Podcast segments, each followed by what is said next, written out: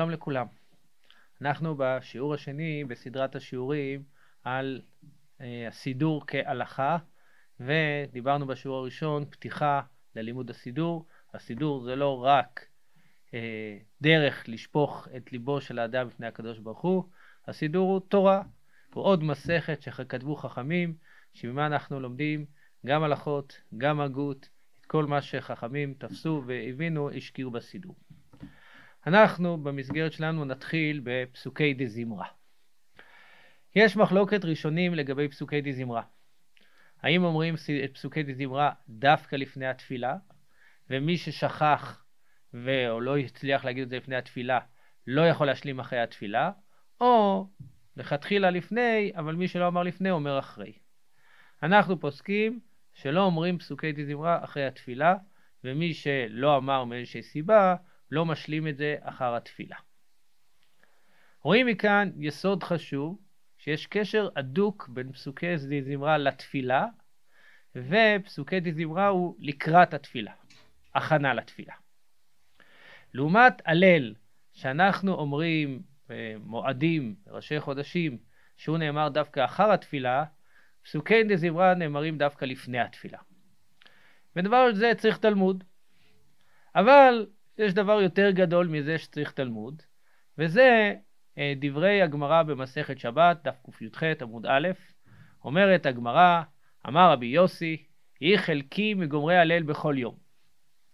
שואלת הגמרא, הנה, ואמר מר, הקורא הלל בכל יום, הרי זה מחרף ומגדף. עונה הגמרא, כי כאמרינן בפסוקי דזמרה. אז אומרת הגמרא, להגיד הלל בכל יום זה מחרף ומגדף, ומה שאמר רבי יוסי, היא חלקי מגומרי הלל בכל יום, כוונתו הייתה לפסוקי דזמרה. וגמרא זאת צריכה תלמוד רב. דבר ראשון, למה להגיד הלל מחרף ומגדף? מה יותר טוב שאדם מהלל ומשבח את בורא עולם?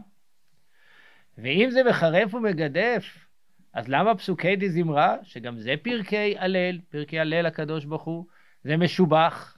מה ההבדל בין ההלל שאחר התפילה שמחרף ומגדף, וההלל שלפני התפילה שזה משובח? אבל יש פה בגמרא יסוד מאוד מאוד חשוב. למה להגיד הלל בכל יום זה מחרף ומגדף? התשובה היא פשוטה.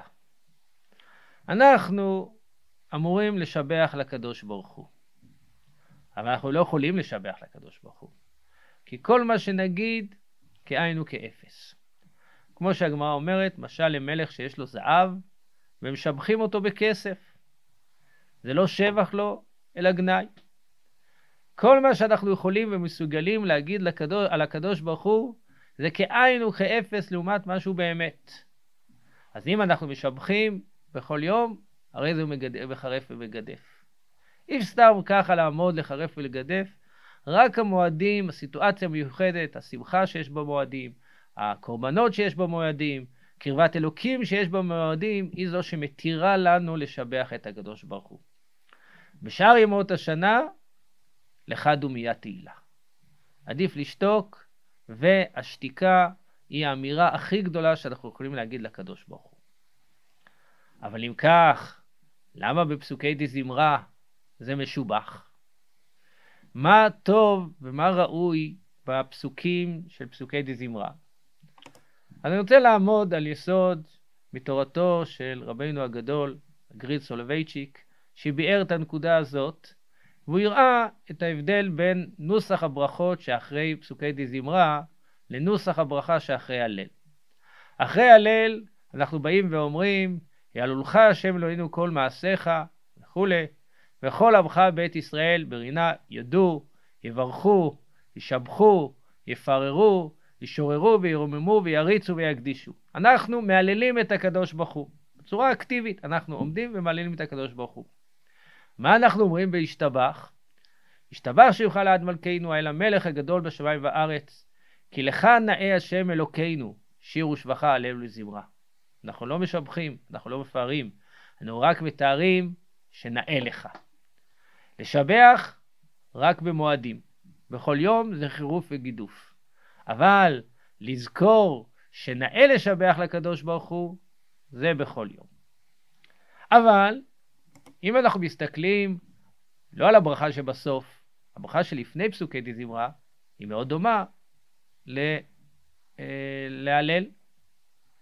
שם נאמר, ברוך אתה השם, אלוקינו מלך העולם, האל האב הרחמן, מהולל מפי עמו, משובח ומפואר, ובהמשך, נעללך השם אלוקינו בשבחות ובזמירות נגדלך ונשבחך ונפרך ונזכיר שמך ונמלכך מלכנו.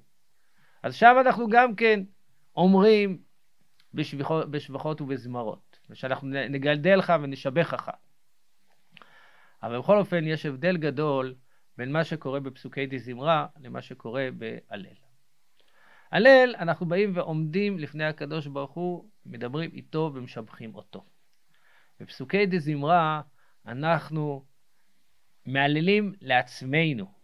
אנחנו לא כלפי הקדוש ברוך הוא ומשבחים אותו, אנחנו באים ואומרים לעצמנו, מספרים לעצמנו את גדולתו של הקדוש ברוך הוא. הלל, אנחנו משבחים את הקדוש ברוך הוא, בפסוקי דזמרה אנחנו מפנימים לתוכנו את שבחו של הקדוש ברוך הוא. ועכשיו אנחנו מבינים למה פסוקי דזמרה נאמר דווקא לפני התפילה. לפני שאדם עומד ונכנס ומדבר עם המלך, מתפלל עם המלך, עם מלכו של עולם, הדבר הראשון אנחנו צריכים לזכור לפני מי אנחנו עומדים. ולכן התפילה מתחילה בפסוקי דזמרה, מצטטים אנחנו את פרקי השירה שאמר דוד בתורה, ואנחנו מפנימים לתוכנו מי שאמר והיה העולם, ורק אחרי ההפנמה הזאת אנחנו יכולים לגשת לשאר התפילה. וזו הסיבה שפסוקי דזמרה הם אלה שפותחים את התפילה. שלום לכולם ולהתראות בשיעור הבא.